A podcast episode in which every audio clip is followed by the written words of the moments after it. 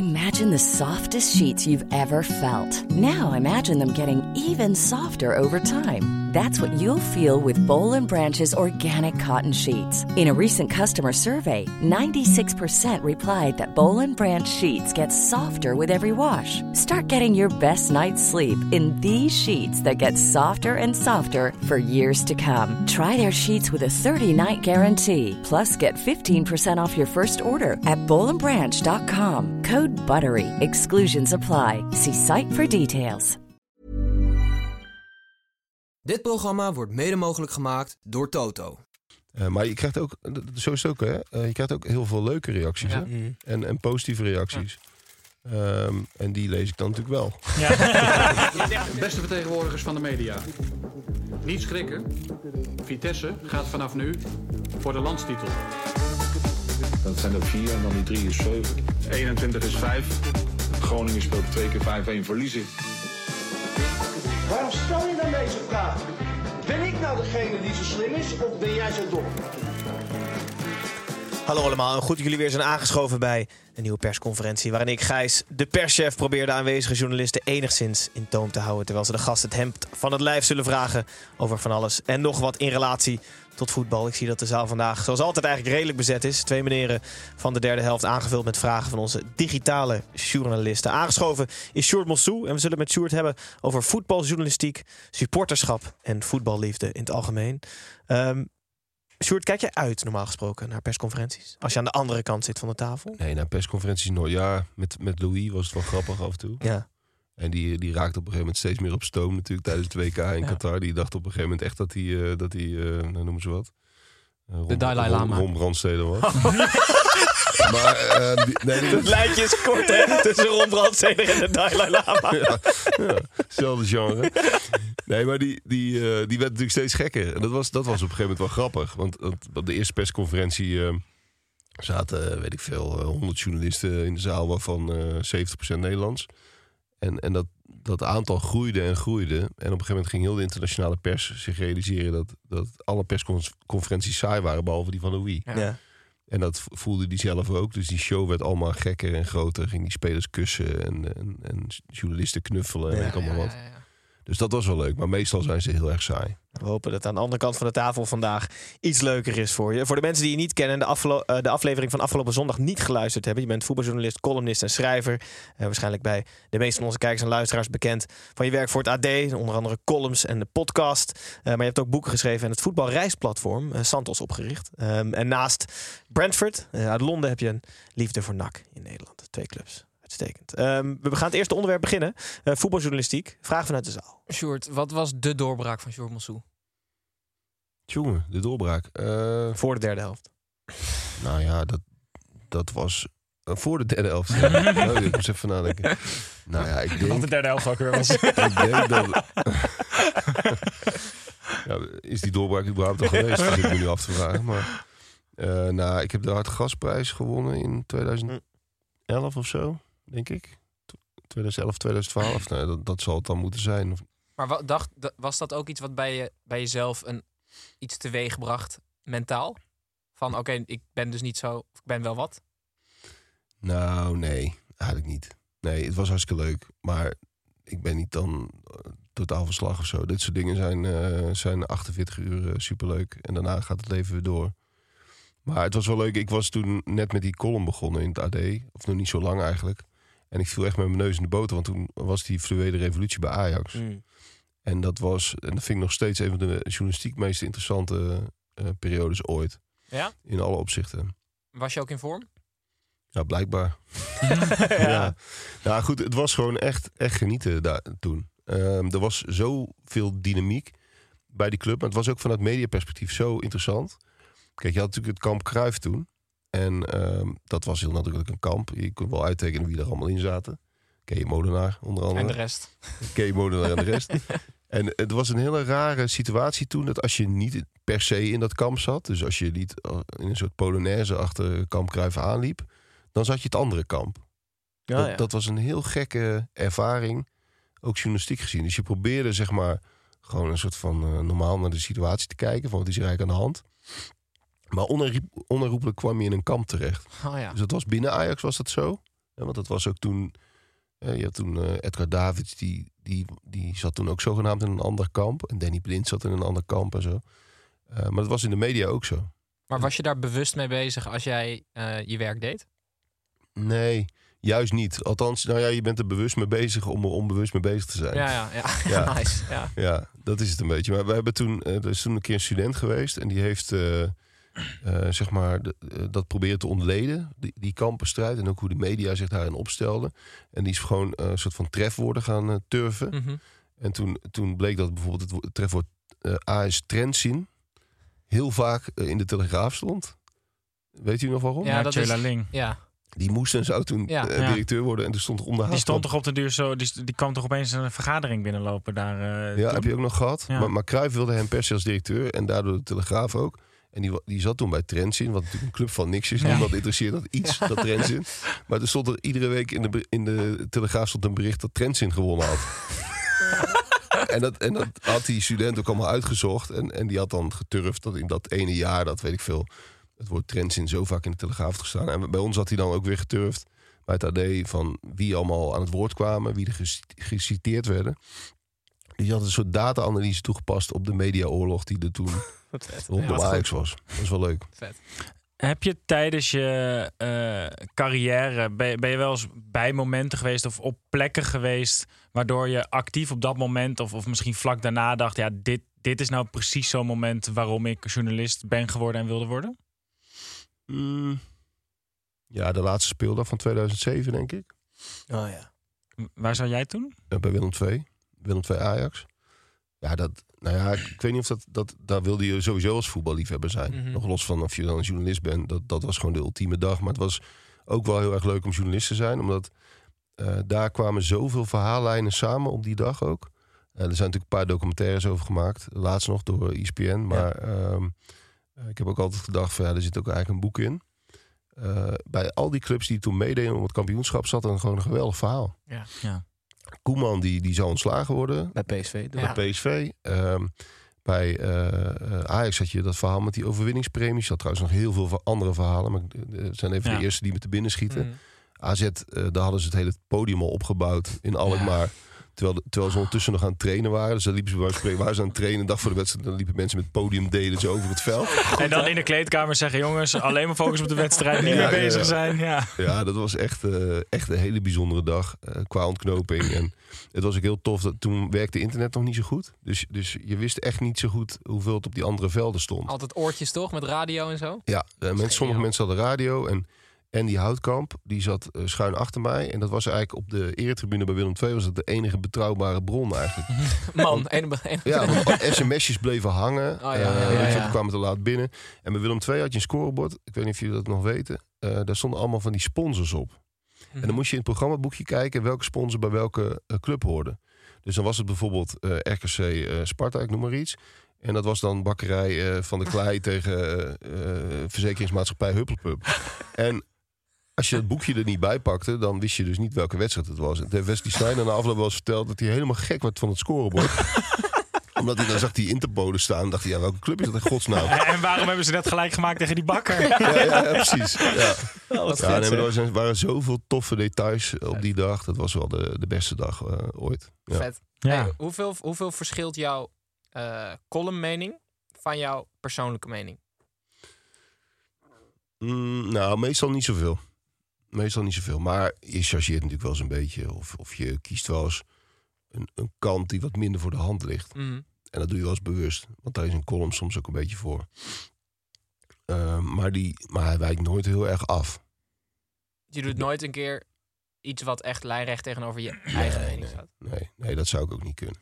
Maar, maar het is wel soms dat je het een kwartslag eh Ja, draait. precies. Kijk, je, je hebt bijvoorbeeld heel vaak in voetbal. Ehm, om even, ik, ik heb even niet een heel concreet voorbeeld bij de hand, maar je hebt wel eens iemand, iemand die gewoon eh, altijd de lul is. Hè, de Sjaak. Sillissen. Of Alfred Schreuder op een gegeven moment bij Ajax. Ja. En dan kan het voor een column juist interessant zijn om het een keer om te draaien. Juist. Ja. En dan is het niet zo dat je dat, dat lijnrecht ingaat tegen je, tegen je eigen mening Nee, of zo. Maar dat is gewoon op dat moment gewoon eh, interessanter dan meegaan in de maalstroom aan berichten die er al is of stukjes die er al zijn. Soms is het aardig om net even een andere kant te laten zien van dingen. Ja. Dat probeer je wel eens, maar dat is niet, niet een afwijkende mening of zo. Dit leidt de vraag van Bart Aalbers, eh, onze digitale journalist en volger. Dankjewel voor het insturen van de vraag. Die wil weten hoe je dealt met negatieve comments op je stukken. Trek Oh, je dat aan? Of? Nee, eh, ik heb een soort. eh, da- da- daar creëer je een soort afweermechanisme eh, in. Mm. Ehm, althans, ik lees het gewoon niet. Ja. Eigenlijk. Eh, ik heb zeg maar op Twitter. Ik weet namelijk van Je tevoren. hebt 133.000 volgers, what the fuck. Ja, maar er zitten ook heel veel trollen bij, denk ik. En eh, eh, nep-accounts. Ik let daar nooit zo op. Ik maar... vind het alsnog impressive. Nee, maar ik, ik, ik weet, eh, spreken, voor eh, een column die ik maak, weet ik al waar gezeik over komt en waar niet. Weet je wel? Mm. Mm. Je weet dat als je iets over Ajax en Feyenoord beweert en het is net wat scherpere mening. En dat, ik, ik heb ook heel vaak niet zo'n scherpe mening, vind ik zelf. Maar soms wel. En dan weet je van tevoren dat je er een hele stoet van die, van die figuren achter je aankrijgt. En eh, de ene keer eh, ben je anti-Ajax en de andere keer ben je anti-Feyenoord. Dat is ongeveer, bij mij ongeveer gelijk verdeeld. Het ligt net een beetje aan de periode. Ehm, en ik, ik eh, plaats dan bijvoorbeeld een column en dan kijk ik gewoon eh, acht uur niet. En dan zie ik alleen de bovenste reactie. Nou ja, die valt dan meestal wel mee. En die hele bak daaronder, die, die ga ik Ah, ja. niet eh, doorscrollen of zo. Nee, dat, dat vind ik En- zinloos. Heb je in het begin of, of nu nog steeds wel eens je eigen bereik en, en misschien ook wel invloed, onderschat je die ook wel eens? Eh, Of, nou, of, of ik heb geen idee. verbaast het je hoeveel het losmaakt bij mensen? Zeker in het begin kan ik me wel voorstellen dat je denkt, oh, mensen gaan wel ver. Of Mm, was je er nou wel voorbereid ik, ik, ook? ik, lees het dus niet, eigenlijk serieus niet. Tenminste, Vanaf het begin ook af, aan al niet? Of is dat wel een beetje door schade en schande wijs worden ook? Ja, dat, dat, dat ook wel een beetje. Maar je raakt er gewoon ook wel aan gewend. En je weet gewoon dat een bepaald percentage idioten zijn. En ja, dat klinkt misschien een beetje arrogant. Maar, Ja. Ja. maar dat... dat Anti-Feyenoord wel, vind ik. ik vond het juist een beetje anti-Ajax eigenlijk. ja, toch? Nee, maar dat, dat- ik, daar raak je wel, word je wel een soort van immuun voor. En daar word je steeds makkelijker in. En ik heb tegen mijn moeder ook gezegd... niet kijken op die, eh, Oh, ja. op die sites. Ja. En die is ook helemaal niet handig met social media. Dus die krijgt dat gelukkig allemaal niet mee. Eh, maar je krijgt ook, zo is het ook, hè? Eh, je krijgt ook heel veel leuke reacties. Ja. Hè? Mm. En, en positieve reacties. Ehm, en die lees ik dan natuurlijk wel. je zegt ook tegen je moeder, kijk even op die sites. Dus stuurt hij door. Nee, maar serieus, ik, eh, eh, je weet van tevoren welke stukjes een soort van eh, commotie gaan veroorzaken. Ja. Als je een aanstekerincident met Davy Klaas hebt gehad en je, en je moet daar een, een scherpe analyse of je moet daar een analyse over maken en je hebt het over de sup- supportersproblematiek bij, bij Feyenoord en je hebt het dan over de laatste 30 jaar, dan weet je wat de reflex wordt. Ja. Ja. En dat heb je bij Ajax, heb je dat met bepaalde thema's precies hetzelfde. Ja. Dus nou ja, het is zoals het is. Duidelijk. Ehm, we sluiten het onderwerp af. Ehm, en dan gaan we door naar het volgende onderwerp. Dat is supporterschap. Vraag vanuit de zaal. Ja, ik eh, ben wel benieuwd. We- Je hebt de, eh, de grote luxe dat je fan bent van en supporter bent van een Nederlandse en een Engelse club. En in Nederland wordt eigenlijk bij alles altijd alleen maar gezegd dat we heel jaloers moeten zijn op de Engelse voetbalbeleving, op, op hoe Engelse supporters met elkaar omgaan. Zijn er ook dingen die jij door jouw ervaringen in beide landen hebt gezien, waarbij jij denkt Engeland moet op dit vlak heel jaloers zijn op hoe het in Nederland gaat rondom voetbal? Ehm, moet ik even over nadenken. Ik moet trouwens wel zeggen, ik, ik ben sympathisant van Brentford. Oké. Supporter vind ik altijd een beetje een groot woord. Ik kom daar niet vandaan. En, en die jongens die, die echt supporter zijn, die zou ik daar bijna mm, voor mijn gevoel mee eh, beledigen. Mhm. Maar ik heb wel sympathie, ja. Ehm, even denken hoor. Ehm, nou, er zijn niet heel veel dingen waar ze in Engeland jaloers op zouden moeten zijn. Denk ik, ja. Wat vind jij ervan dat je in Engeland alleen maar in de, eh, eh, niet op de tribune bijvoorbeeld bier mag drinken? Ja, daar zit ik niet zo mee. Kijk, nee, daar zit ik niet zo mee. Je mag, je mag gewoon op de omloop mag Ja. je wel bier drinken. En, en uiteindelijk zitten daar ook gewoon dronken mensen op de tribune. Ja. Ja, de- ik, ik vind dat niet zo'n heel groot verschil maken. Het is meer een soort regeltje zo. Want er staat zo'n mannetje, je mag, het, je mag dat flesje niet meenemen. En dan, dan, dan ga je tegen heug en meug dat ding opdrinken. om, om zo weinig mogelijk van de later moet je te naar de wc altijd dan. Ja, Ja. ja, ja. Nee, dat, dat mis ik niet zo. Ik hoef ook niet. Ik weet dat het bij NAC gecultiveerd is. Daar heb ik zelf ook een beetje aan meegedaan aan het bier drinken. Maar ik drink zelf ook niet eh, continu bier tijdens voetbal kijken. Dus ik mis dat niet echt. Maar ehm, wat ik misschien dan nog wel. ehm, de manier waarop wij in Nederland over voetbal discussiëren. En, en dat toch wel vrij serieus doen. Dat vind ik wel mooi aan Nederland. En dat kunnen ze in Engeland wat minder goed. Het is wel de gemiddelde. Dat klinkt gek, maar de gemiddelde zal maar zeggen, spelkennis is in Nederland echt betrekkelijk hoger, is mijn ervaring, dan in Engeland. Hm. Het is echt nog heel, voor een heel groot gedeelte, jongens, hard werken, doe je best, eh, koppen tegenaan en Ja, dat ja, is het. precies. 4-4-2 lange spits, kleine spits, dat Ja. idee. Ja. Ja. en ik vind daardoor ook bijvoorbeeld de wedstrijdanalyse op de BBC, er wordt altijd heel eh, romantisch over gedaan hier, hè, dat een geweldig match of the day. Ik vind dat heel erg tegenvallen. Ja, ik kijk het ook eigenlijk nooit. Het klinkt Nee. heel mooi omdat het Engels is. Ja. Het, het klinkt gewoon geweldig. En, Ja. en, en ze hebben goede uitstraling. En ze verpakken het ook mooi. Maar inhoudelijk is het vaak best wel dun, vind Ja. ik. Dunner dan in Nederland. Interessant. Sjoerd, als jij een stadion moest ontwerpen, welke unieke kenmerken zou het dan moeten hebben? Het moet sowieso asymmetrisch zijn. Dat vind ik Mm. heel belangrijk. Eh, Dat vind ik ook eh, een grote tekortkoming aan bijvoorbeeld het NAC-stadion. Waar ik eh, toch verder graag kom. Maar het moet, eh, het moet echt, eh, tribunes moeten afwijken. Ik vind het gaaf als, een, eh, als je aan een stadion kunt zien dat het, in, dat het de tijd doorstaan heeft. Mhm. Eh, ik vind bijvoorbeeld Old Trafford daar een geweldig voorbeeld van. Omdat die tribunes stammen allemaal uit een andere tijd. En dat zie je gewoon in het stadion. Daar is af en toe een, keer een dak opgezet.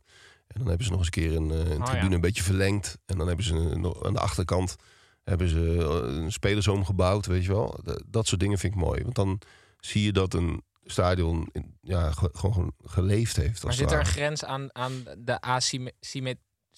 Dus mogen alle vier de tribunes ook helemaal anders zijn? Ja, van mij wel. Ja. Dat vind ik wel mooi. Interessant. Dat is Ja. ook het stadion in Braga, toch? Heeft één zo'n rotswand. Oh, is dat Ja, die, Braga? is, die is wel tof, ja. Ja, die is Ja. wel geniaal. Maar kijk, het- je hoeft het ook niet te overdrijven. Maar ik vind het wel mooi, ja. En, en als het zeg maar zo'n recht toe recht aan bak is... Mhm.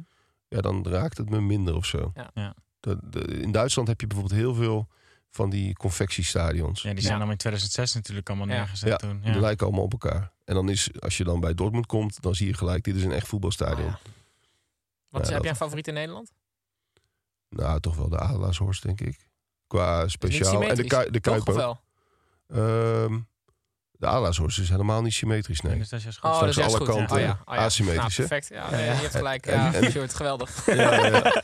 En, maar de Kuip, eh, dat is dan weer een, zou je een uitzondering kunnen noemen. Die is natuurlijk wel redelijk symmetrisch. Ja, ja. Maar die is natuurlijk ook prachtig. En dat is een cliché. Maar je En- ziet aan de Kuip wel dat er geschiedenis in zit. Dus Zeker. aan de ene kant precies even asbest als aan de andere kant. ja, ja. Maar ik vind ook, eh, om dan de Ajax supporters ook gelijk even te vriend te houden. De arena is wel enorm vooruit gegaan. Ja. Maar het kwam Qua heel ver. Qua Wel. symmetrie. Ja. Ja. Nee, maar dat ze die, die hebben die hoeken dichtgebouwd en die tribunes doorgetrokken naar beneden. Ja, ja, ja. Dat is echt een enorme verbetering. Kleurtjes van de stoelen. Ja. Dat is echt wel, eh, wel goed. Eh, sluiten de vraag met een ehm, ingestuurde vraag van Stefan Rietjens. Die wil weten wat de magie is van een avondje nak. Je hebt het in de aflevering van zondag al even aangestipt. Maar als je het kort zou moeten omschrijven. Nou ja, de magie, eh, het is, ook dat is natuurlijk gecultiveerd, maar het is een beetje ontstaan. Ehm NAC was een van de eerste eh, clubs met, eh, met kunstlicht. En ook een van de eerste clubs die toen zei van nou dan gaan we ook echt gewoon altijd s'avonds spelen. Dat was in de jaren zeventig. En dat stadion lag in de binnenstad. Dus het werd een soort vorm van uitgaan. Eh, en daarin was NAC wel vooruitstrevend. Het was ook een soort eerste vorm van marketing. Ze hadden stickers met avondje NAC, ja gezellig. Nou, geweldige slogan. maar maar ehm, het werkte gewoon. Omdat mensen vonden dat hartstikke leuk. Die gingen dan eerst in de stad, gingen ze lekker op het terras zitten of lekker naar het café. even een nak. En dan daarna eh, nog, nog even door. Het was gewoon een van de kroegen waar je heen ging op een avond. Ja, min of, min of meer wel, Ja. ja. Het was een avondvullend programma. En, en dat, daarin was NAC de eerste. En dat werd heel populair. En er hoorde een bepaald sfeertje bij. Dat kunstlicht was ook heel slecht. Het was een beetje donker. Daardoor was het een beetje duister eh, voor de tegenstander. Intimiderende entourage. En dat is het een beetje. Het is een combinatie tussen uitgaan en voetbal enerzijds. En een, ja, een, een semi-intimiderende sfeer eh, anderzijds. Erg leuk. Vet. Laatste Klopt onderwerp. het laatste... trouwens dat ze Oh, bij, ja, NAC sorry. van, bij, die, bij de pisbakken zo'n eh, ehm, allemaal kleurtjes hadden? Een soort kleurenpalet waarin je kon zien hoe uitgedroogd je was. Is dat zo? Nee, dat ken ik niet. Oké. Nee. Nee, dat is, Ja, dit is even mijn favoriete weetje van je alle tijden. Zeker. niet Ja, waar, ik dus. ga nog eens even onderzoek doen. Ja. Dat zou kunnen hoor. Dat heb ik gemist dan. En we sluiten de persconferentie altijd met het thema voetballiefde. Eh vraag vanuit de zaal. Ja, eh Sjoerd, jij bent keeper. En dat hebben we niet zo heel vaak aan tafel. Dus ik ben heel benieuwd wie jij vroeger op het schoolplein was. Eh, was je toen al keeper? Ja, zeker. Ik had, eh, bij NAC had ik John Karels zelfs gewoon Oh, favoriet. Ja. Dat was een geweldig stoere keeper. Die, eh, als, je die, als je daar één op één op af moest als spits, dan liep je liever een blokje om. Die Ja. was, was echt een beest van een vent. En eh, een geweldige kerel trouwens. En eh, ja, ik, ik was ook, en die heb ik daarna in allerlei andere hoedanigheden leren kennen, eh, Hans van Breukelen fan. Nice. Dat kan ook niet anders, want ik ben van 78. Dus Ja. dan ben je tien als Ja. je Ja. toen Nederland Europees kampioen werd. En Van Breukelen was natuurlijk wel sympathiek. Eh, wij gingen vroeger op voetbalkamp. Pas zit nog in de uitzending. Jazeker. Wij gingen op voetbalkamp in de buurt van eh, Eindhoven. En daar woonde Hans van Breukelen vlakbij. En wij wisten dat allemaal. We waren jongetjes van... eh, we zaten in de D'tjes en de E'tjes en zo. En dan ging, moesten we speurtochten lopen. En dan was een van de opdrachten was... Haal een ei bij Hans van Breukelen. Wat vet. Dus dan belden we, dan moesten we daar langs dat huis. Iedereen wist waar dat was. En dan, liepen we de oprit op en dan belden we aan. En Hans, eh, ja, we moeten een ei hebben. Nou, dan zei Hans, is goed. Liep naar de keuken, pakte een ei en weg waren we weer. Maar er waren, eh, we waren met 100, 120 kinderen of zo. dus er waren allemaal groepjes van vier, vijf jongens. En die belden allemaal aan bij Hans van Breukelen. En op, dus hoeveel van die eieren zitten er in een doos? Twaalf? of zo? Twaalf, Ja, ja. ja. Op een gegeven moment zijn ze natuurlijk op. Dus na twaalf groepjes waren de eieren op. Hans naar de supermarkt, hè? Nee. Nieuwe Ja? eieren halen. Ja, zeker. Ja, top. Ja, dat, dat heeft hij me hard gestolen. Dus toen hij daarna faalde als technisch directeur, directeur van de KNVB... moest ik toch terugdenken aan die eieren. Toen dacht ik van, ja, ik kan Hans niet te hard aanpakken. Hans heeft standaard nu zo'n toren met een, een pallet met eieren heeft hij altijd staan voor als er weer een voetbalkamp in de buurt Dus toen draaide je je mening in je column een kwartslag. eh, als het toen het exact, ging. exact. Nee, maar dat, dat, meen, dat meen ik wel. Ik heb wel, daardoor wel... Dat, dat, dat moet ik wel echt eerlijk toegeven. Wel een beetje een zwak voor Hans van Breuk. Wat goed. Ik denk, wij allemaal nu, door dit verhaal. Zeker. Ik ga Ehm, morgen eieren bij meten. Ja, Ja, en dan, dan, dan zei hij ook, kom even binnen jongens. En dan zaten we dus gewoon, wij waren dan, we hadden het geluk dat we een van de eerste groepjes waren. Zaten we echt aan de keukentafel bij de keeper van het Nederlands elftal. Dat is toch waanzinnig. Dat was echt geweldig hoor. Wauw. Ik kan je voorstellen vet. dat Jasper Sillis open doet voor de kindjes. En dan, nou ja, ik weet het ook niet. Nee, Jasper zegt kom binnen. Die kinderen zo nee. Slaap met zijn hoofd, pakken tegen de deur. Ja, laat het ei vallen. Ja. Maar die topspelers wonen tegenwoordig allemaal op compounds, weet je wel. Dan moet Ja. je eerst langs Ja. een bewaker. Ja, maar bij waar, kon je gewoon een aanbellen. toen. romantisch verhaal. Ja, heel vet. En we sluiten de persconferentie altijd met één en dezelfde vraag.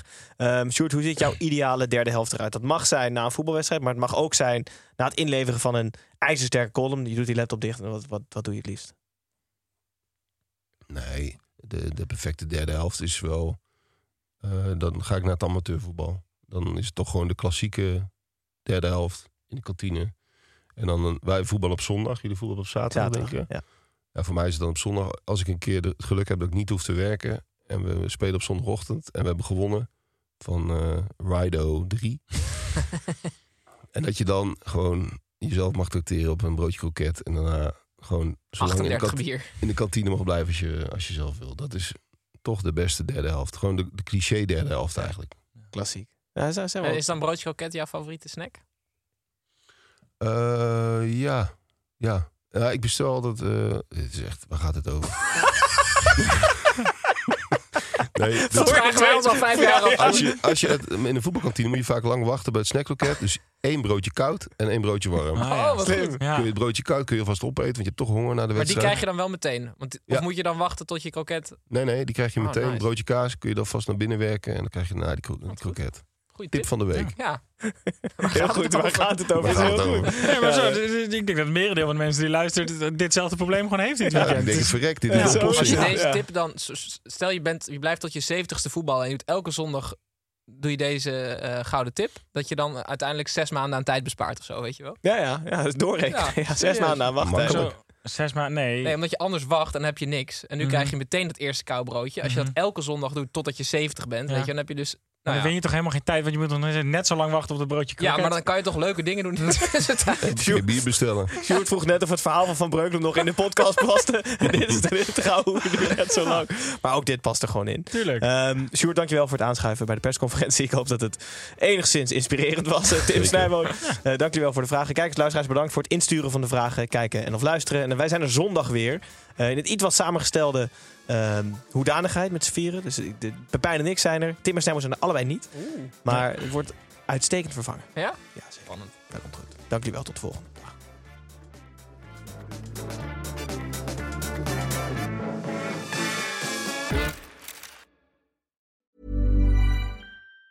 Planning for your next trip? Elevate your travel style with Quince. Quince has all the jet setting essentials you'll want for your next getaway, like European linen, premium luggage options, buttery soft Italian leather bags, and so much more. And it's all priced at 50 to 80% less than similar brands. Plus, Quince only works with factories that use safe and ethical manufacturing practices. Pack your bags with high-quality essentials you'll be wearing for vacations to come with Quince. Go to quince.com slash trip for free shipping and 365-day returns.